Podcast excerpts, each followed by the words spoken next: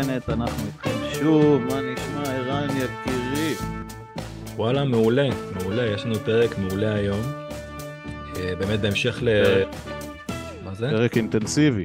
אינטנסיבי, אבל ככה מלא בכל טוב, מה שנקרא. אה, באמת המשך... או אה, שכל רוע, איך אתה מסתכל על זה, זה תלוי. עניין של פרספקטיבה, כן, אנחנו ממשיכים את סדרת פרקי הג'יהאד שלנו, ואנחנו מתעסקים היום בארגון אל-קאעידה, והסיבה שהחלטנו להתמקד דווקא באל-קאעידה היום, אה, זה באמת כי השבוע היה 11 בספטמבר, באמת 21 שנה לפיגוע הנוראי במגדלי התאומים, ותכף חן ככה אותנו לעניינים. אה, אז באמת יש לנו פרק אה, מדהים, עם הרבה, אגב, נתונים חדשים, אני לא יודע אם כולם מכירים, נקווה שנוכל לחדש לכם משהו, אז חן, בוא, בוא ככה תכניס אותנו לעניינים, לך על זה. כן, אמ, אז כמו שערן אמר, ביום ראשון האחרון העולם ציין את אה, יום השנה ה-21 לפיגוע הנוראי בבנייני התאומים שבמרכז הסחר העולמי בניו יורק. זה היה אירוע מכונן ששינה את העולם והראה לכל הגלובוס מהו הטרור האסלאמי הרצחני. כל אחד שנמצא בגילאי ה-25-30 ומעלה זוכר בדיוק איפה הוא היה ומה הוא עשה באותו זמן שבו המטוסים נכנסו בבניינים הענקיים וראה בטלוויזיה איך אנשים קופצים למותם ואיך הבניינים מתרסקים וממלאים את ניו יורק באבק. ואז הדבר השני שכל בן אדם נזכר בו זה השם המפחיד הזה השם שמעלה צמרמורת בכל אחד שזוכר את רגעי הנוראים של ארצות הברית. אז אל-קאעידה מה, מה עולה לאדם הסביר בראש שאנחנו אומרים את צמד המילים הזה? כמובן, חושבים על בנייני התאומים והמטוסים שעליהם כבר דיברנו, ואז עולות עוד קונוטציות כמו אסלאם סוני, או בחור הזה ומזוקן שלובש שמלה, הלא הוא אוסמה בן לאדן, עריפות ראשים שמתועדות לראשונה בווידאו, דניאל פרל, ניק ברג, אפגניסטן, מערות תורה בורה הידועות לשמצה, שבהם אה, בן לאדן התחבא לאורך השנים. אה, אחרי כמה שנים התחלנו לשמוע על הארגון של אל-קאעידה פחות ופחות. הפיגועים שלהם לא פסקו, הג'יהאד העולמי המשיך במלוא המרץ. אבל מה שאמרתי פה, אלה הם הדברים שרוב האנשים זוכרים מדאעש. סליחה, מאל-קאעידה. כן. Uh, עד שבן לאדן חוסל בפקיסטן בשנת 2011 במבצע חנית נפטון שקרה בתקופת הנשיא האמריקני ברק אובמה. ואז עברו שלוש שנים מאז שחוסל uh, בן לאדן ופתאום ביום אחד בהיר תוך כדי מלחמת האזרחים בסוריה השם דאעש נכנס לחיינו או בשמו המלא הדאולה אל-אסלאמיה פיל עיראק ואל-שם המדינה האסלאמית בעיראק ובלבנט ואז נשאלת השאלה גם פה, מה הקונוטציה שעולה לכל אחד בראש כשהוא שומע את השם הזה, דאעש?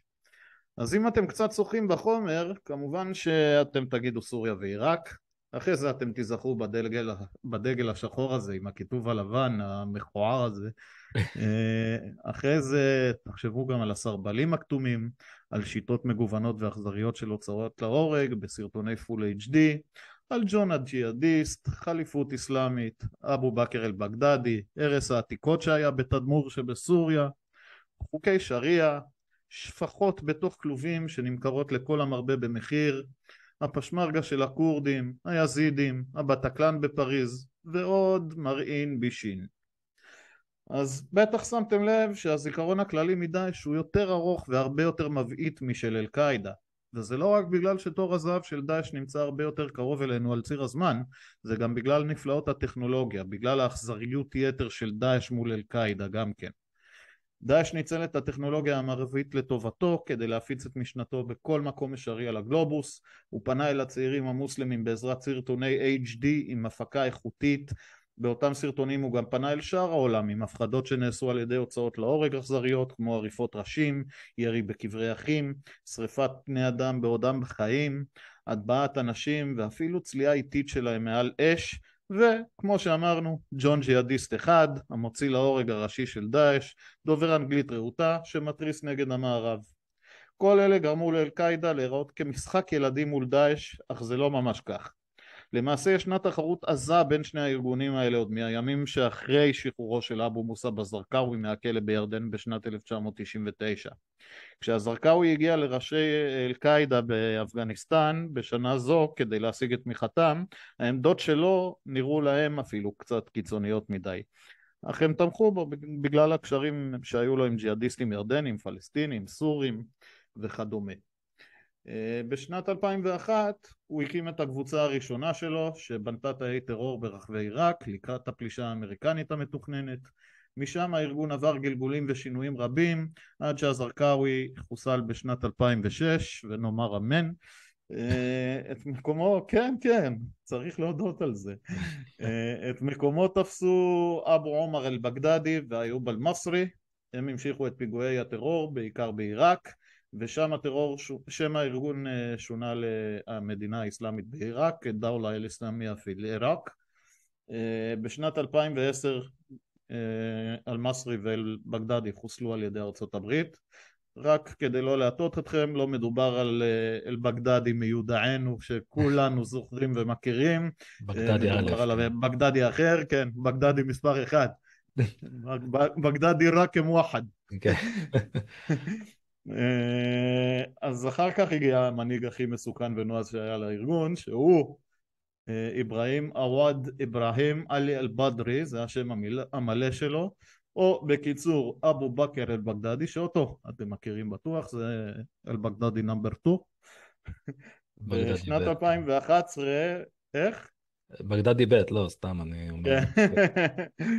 בשנת 2011 אה, בהוראת הזוואהירי, המנהיג השני של אה, אל-קאעידה, הארגון החל להקים מיליציות שיילחמו גם בסוריה.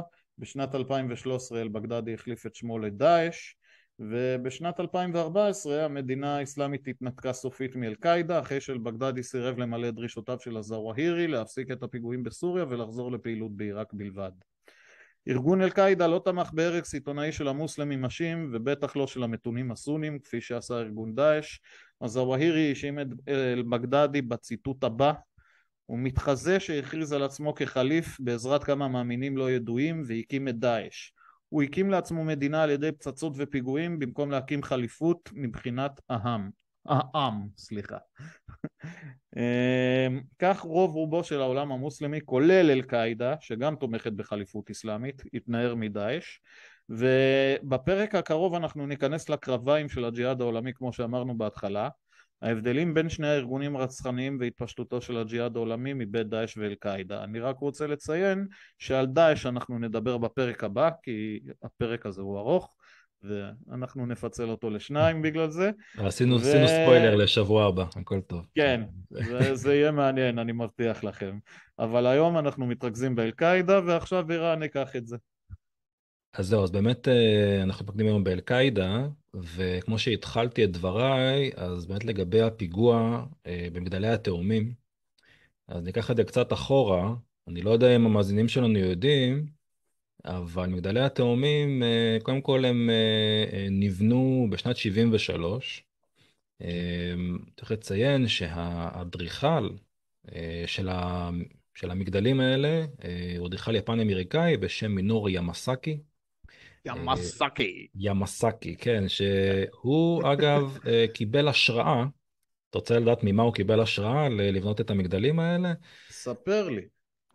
הוא קיבל השראה מהמסגד המרכזי במכה, שזה mm. מדהים בעיניי, שהמסגד המרכזי במכה היווה ההשראה למגדלי התאומים, שאם אנחנו נחשוב על זה רגע, אה, בן לאדן, כן, שכל כך תיעב את התרבות האמריקאית המערבית, את הקפיטליזם, ובעצם הפיגוע, הפיגוע בתאומים שפגע בסמל הקפיטליזם הגדול ביותר, שבעצם ההשראה לסמל הזה זה בכלל סמל אסלאמי, זה מדהים בעיניי הדבר הזה.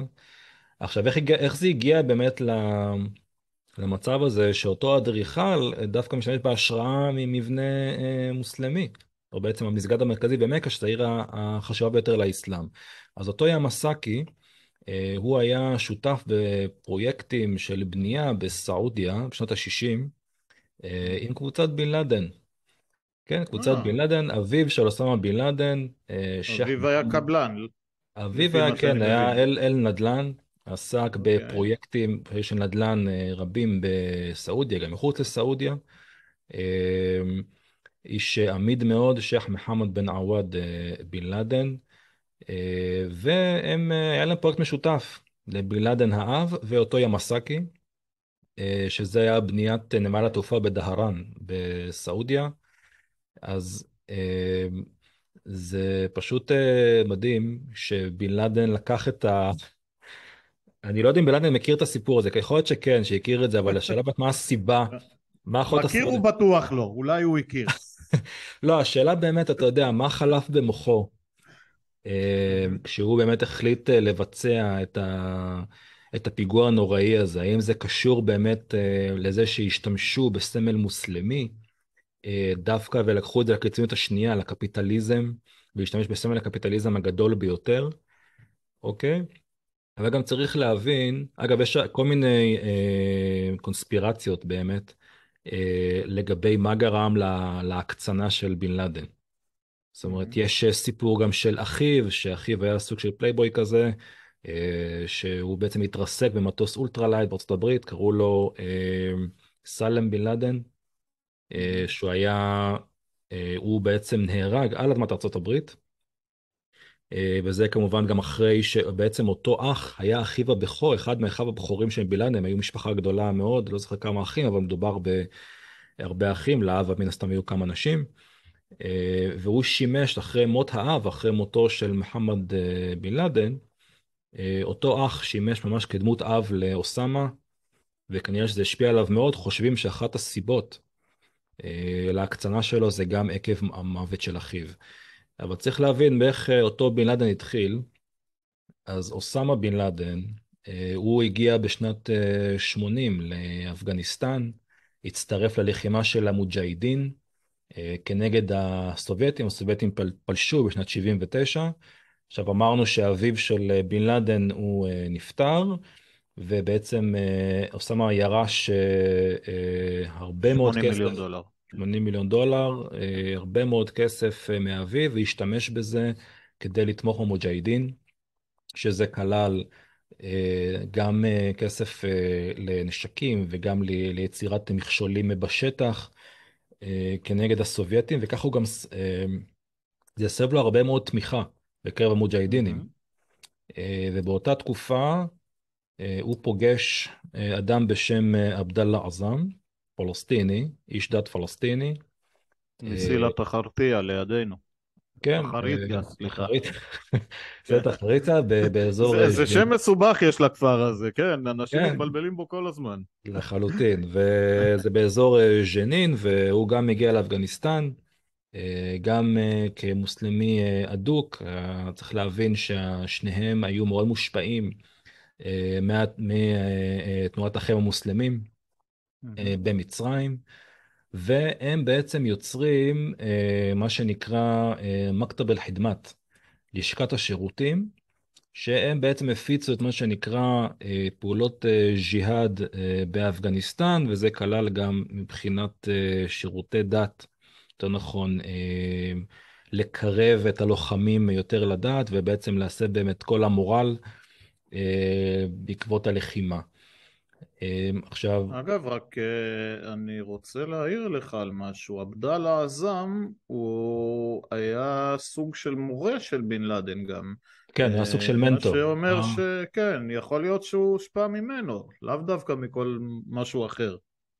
יכול להיות שזה כמה דברים ביחד, אתה יודע, זה הכל... אתה יודע, יש, היה לו כנראה אולי איזשהו... אני לא אכנס פה פסיכולוגית, אני לא פסיכולוג. אבל יכול להיות, אתה יודע, השפעה של כל מיני uh, טרגדיות וטראומות מסוימות בחיים. תוסיף לזה את, את הדת, שאולי מצא שם איזושהי באמת מקלט, ב, אתה יודע, על ברכי הדת. ואנחנו יודעים שדת זה מאוד עוזר לאנשים שנמצאים במצוקה מסוימת, גם נפשית, אנחנו רואים את זה בהרבה מקומות אחרים, ויכול להיות באמת שזאת הסיבה, שאותו עבדאללה עזאם הוא זה שהשפיע, ולאו דווקא דברים אחרים, הכל יכול להיות. אני לא, אנחנו לעולם לא נדע כאן את הסיבה האמיתית, אני לא יודע, בלאדן כבר לא איתנו, אז אנחנו לא יכולים לדעת. בכל מקרה, באותה תקופה, במהלך שנות ה-80, עם הלחימה, באמת רוכש את האמון של המוג'הדינים האפגנים, הייתה את רשת חכני, ג'לאל א-דין חכני, שהם נתנו לבן לאדן ולחבורה שלו מאיזשהו אזור בין אפגניסטן לפקיסטן, שבעצם הם הפכו אותו למחנה אימונים, אימנו את המוג'הידינים, ובעצם יצרו שם מה שנקרא את כל הז'מאה של הערבים, בסדר? את החבורה הערבית של הלוחמים, והם קראו לעצמם אל-קאעידה אל-עסקריה, הבסיס הצבאי, שזה בעצם השם הראשוני של אל-קאעידה שאנחנו מכירים כיום. Mm-hmm.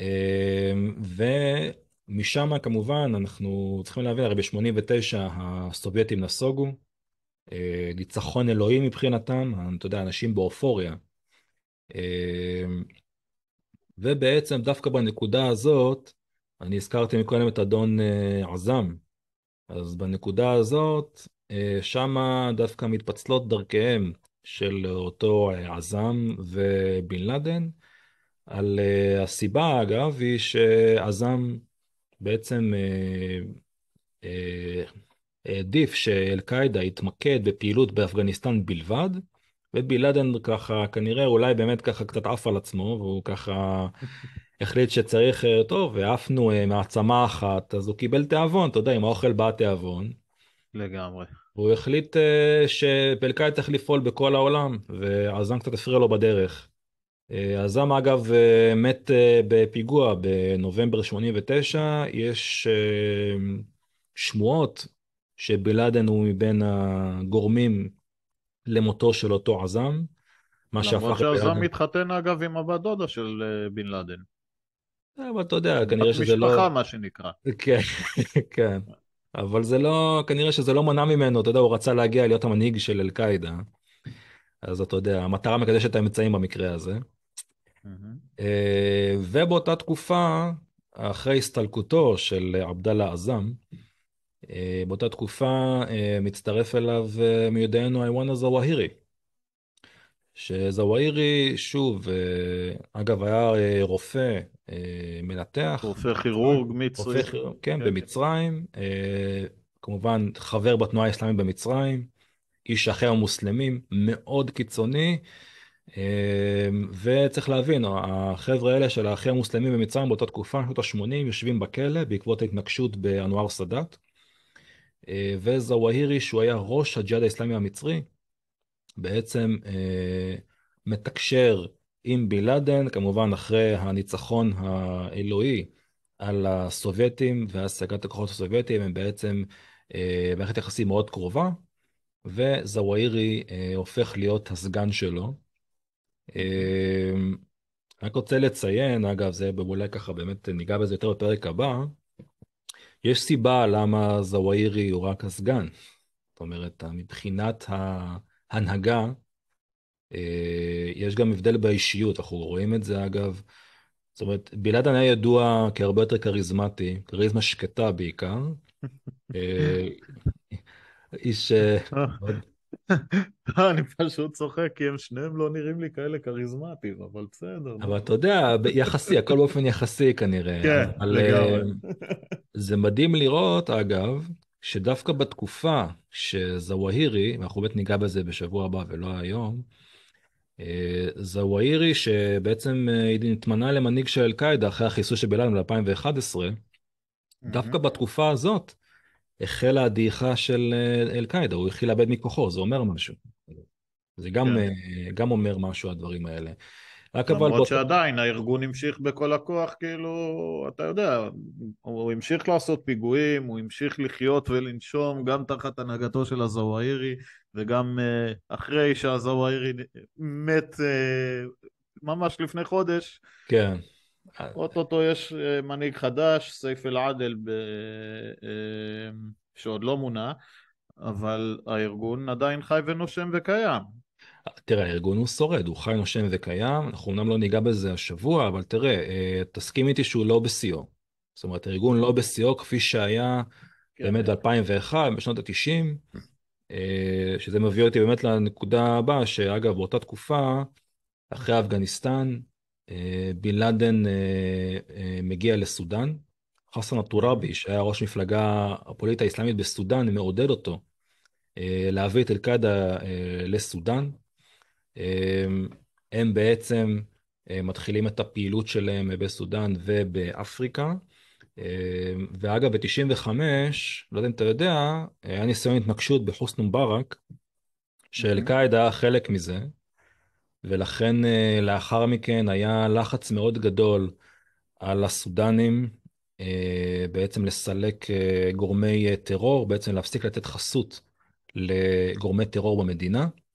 ובעצם ב-96 בילאדן נאלץ לשוב לאפגניסטן, אוקיי? ומפה בעצם מתחילה הנקודה שלדעתי, מפה מתחיל התכנון של פיגוע התאומים ב-2001. אנחנו גם רואים שבאמת, אני דיברתי על השיא כוחו של הארגון, של אל-קאעידה, אז אנחנו באמת רואים מ-96, זה אגב השנה שבה בילאדן הכריז בפתווה, אוקיי? הכריז במלחמה נרחבת על ארצות הברית, אוקיי? בפתווה, ואנחנו גם רואים יותר, ראינו יותר פעילות של הרבה פיגועים רצחניים. ראינו ב-98 בשגרירויות אמריקאיות בטנזניה, בדאר אל סלאם בטנזניה, ראינו גם בקניה. לא חסר גם... פיגועים. כן, וגם ראינו את הפיגוע במומבסה, 2002, אנחנו זוכרים, טוב, זה כבר אחרי אה, אה, פיגוע תאומי, אבל זו תקופה של קאידה מאוד אה, בשיא כוחו, אה, עם הרבה מאוד אה, לוחמים,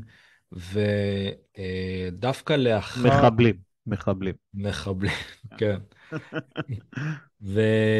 ואז הוא בעצם מתחיל אה, לתכנן את, אה, את הפיגוע התאומי ב-2001, ומ-2001 אה, אנחנו רואים איזשהו שינוי בהתנהלות, כי בעצם אחרי הפיגוע, הפיגוע התאומים ב-2001, אז כמובן שהאמריקאים נכנסים למערכה ובעצם אל-קאעידה נמצא במנוסה. אוקיי? הם צריכים להימלט mm-hmm. מהאזורים שהיו בהם, ואז מה שקורה, האסטרטגיה שלהם משתנה. אוקיי? אם אנחנו ראינו עד עכשיו, ראינו עד 2001 או 2002, פיגועים אה, רצחניים ברחבי העולם, ראינו הרבה דומיננטיות של פיגועים נוראיים. Mm-hmm. דווקא אחר כך אתה רואה שארגון מעודד ארגונים מסונפים, אוקיי? לפעול במקומו. אוקיי? מין כן. סוג של אה, אפילו proxies כזה הייתי קורא לזה, קצת כמו האיראנים עם ארגוני proxies, אה, וככה נולדו כל מיני קבוצות כאלה, כמו היה לך אל-קאעידה בתימן, אה, כן. שזה הפך לאל-קאעידה בחצי האי ערב, אל-קאעידה באיראן. בכל המזרח התיכון הם היו, בכל המזרח התיכון, במזרח אפריקה, בצפון אפריקה. כן, וככה בעצם, האמת היא שככה בעצם נולד דאעש, שחושבים על זה, אוקיי? זה בעצם כן. התחלה של דאעש, שאנחנו מכירים היום. אמ, יש לך משהו להוסיף לזה? כן, אה, אני רוצה לציין שכמו שאמרת קודם כל, אה, באמת הם אה, הופיעו בכל מקום בעולם בערך. שמדובר על ג'יהאד עולמי, זה תרתי משמע ג'יהאד עולמי.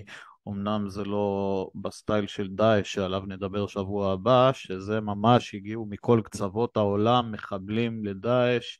אה, להילחם בסוריה אה, למען החליפות האסלאמית, אבל גם, גם באל-קאעידה הם נמצאים בכל העולם, אה, היה, מה זה היה? יש, אל-קאעידה פלסטין, יש את הג'יהאד האסלאמי המצרי, גדודי עבדאללה עזאם, על שם עבדאללה עזאם הידוע לשמצה שדיברנו עליו, ובעוד מקומות בכל רחבי המזרח התיכון. עכשיו, מה שמשותף ל...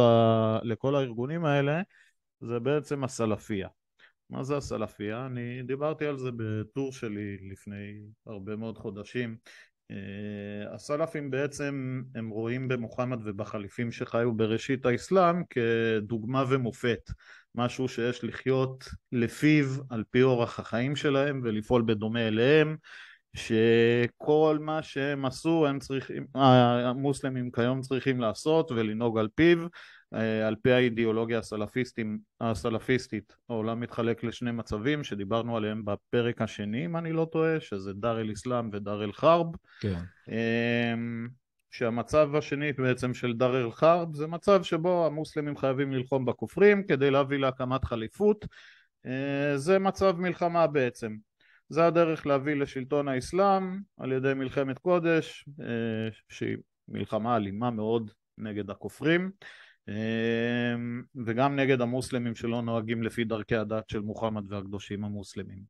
אה, עכשיו, עם אל-קאעידה זה קצת שונה, כי אל-קאעידה הם לא, לא בעד להרוג מוסלמים, זה יותר משהו דאעשיסטי, שזה כבר אקסטרים של סלאפיזם.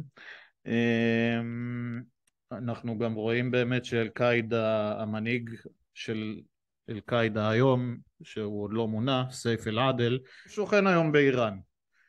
אנחנו רואים בעצם שיש פה סוג של השכנת שלום בין הסונה לבין השיעה. עכשיו הג'יהאד הסלאפי כמו שאמרנו התפשט ברחבי העולם באפגניסטן, פקיסטן, רצועת עזה וגם הוא התפשט לאפריקה ולאזור המגרב, לניגריה וסומליה הארגונים הבולטים היום של הג'יהאד הסלאפים בעולם הם חיית התחריר א-שאם שזה ג'אבת אל-נוסרה לשעבר שעליו אנחנו נדבר בפרק הבא כן. אמ, יש את דאעש, יש את אנסר בית אל-מקדס ובוקו חרם שנמצא בניגריה אמ, עוד משהו שמאוד אה, גם ארגון אל-שבאב בסומליה, גם אה, נכון. ארגון הסלפי, כן. וארגונים נוספים. יש מאלי, את סומליה, יש, יש מספיק מקומות. כן. אמ, אפילו מלזיה אגב, דרום מזרח אסיה. כן. ופיליפינים, שיש שם את דאעש. נכון. אמ, עכשיו עוד משהו שמשותף לסלפיזם זה העניין של הטקסיות. הטקסיות שבעריפת הראשים למשל. אה, מוטי קידר דיבר על זה בעבר, הוא אמר שעריפת הראשים זה משהו שמאוד מוכר על ידי האסלאם, זו פעולה שאומצה באסלאם מלכתחילה ובעריפת הראש יש טקסיות ואם יש בנות שמביאות בושה למשפחה אז עושים להם עריפת ראש או כשיש שמחת בבית אה, אז גם עורפים את הראש לכבשה. השחיטה בבתים האסלאמיים היא מסורת, היא חלק מההוואי ואנחנו ראינו את עריפת הראש המצולמת שנעשתה אמ, בשנת 2004 על ידי הזרקאווי אה, בעצמו, כן, לניק ברג שהוצא להורג בעצם אם אני לא טועה, לא, זאת לא הייתה ההוצאה להורג הראשונה בווידאו, הראשונה זו הייתה דניאל פרל נראה לי, אמ, אבל כן, שם היה זרקאווי, הוא, הוא נהג כמנהג הסלפיזם. הסרט היה מאוד נוראי, מאוד ויראלי, אמ, בגלל זה גם דאעש המשיכה לדרך אחרת מה שנקרא. אמ, ועל דאעש באמת אנחנו נרחיב בפרק הבא. ואם יש לך עוד משהו להגיד לפני שאנחנו נסיים. אז אני רק באמת רוצה להגיד כמה דברים באמת לגבי הסלפיה. שכמו שאמרת באמת לגבי מעריפת ראשים, אז באמת חלק מאותם אה, טקסים שאתה מדבר עליהם. אגב, יש דברים שזה עד היום לא רק אה, במסגרת אה, ארגונים כמו דאעש וכולי, אתה רואה גם יש דברים גם בסעודיה, שעד היום זה קיים.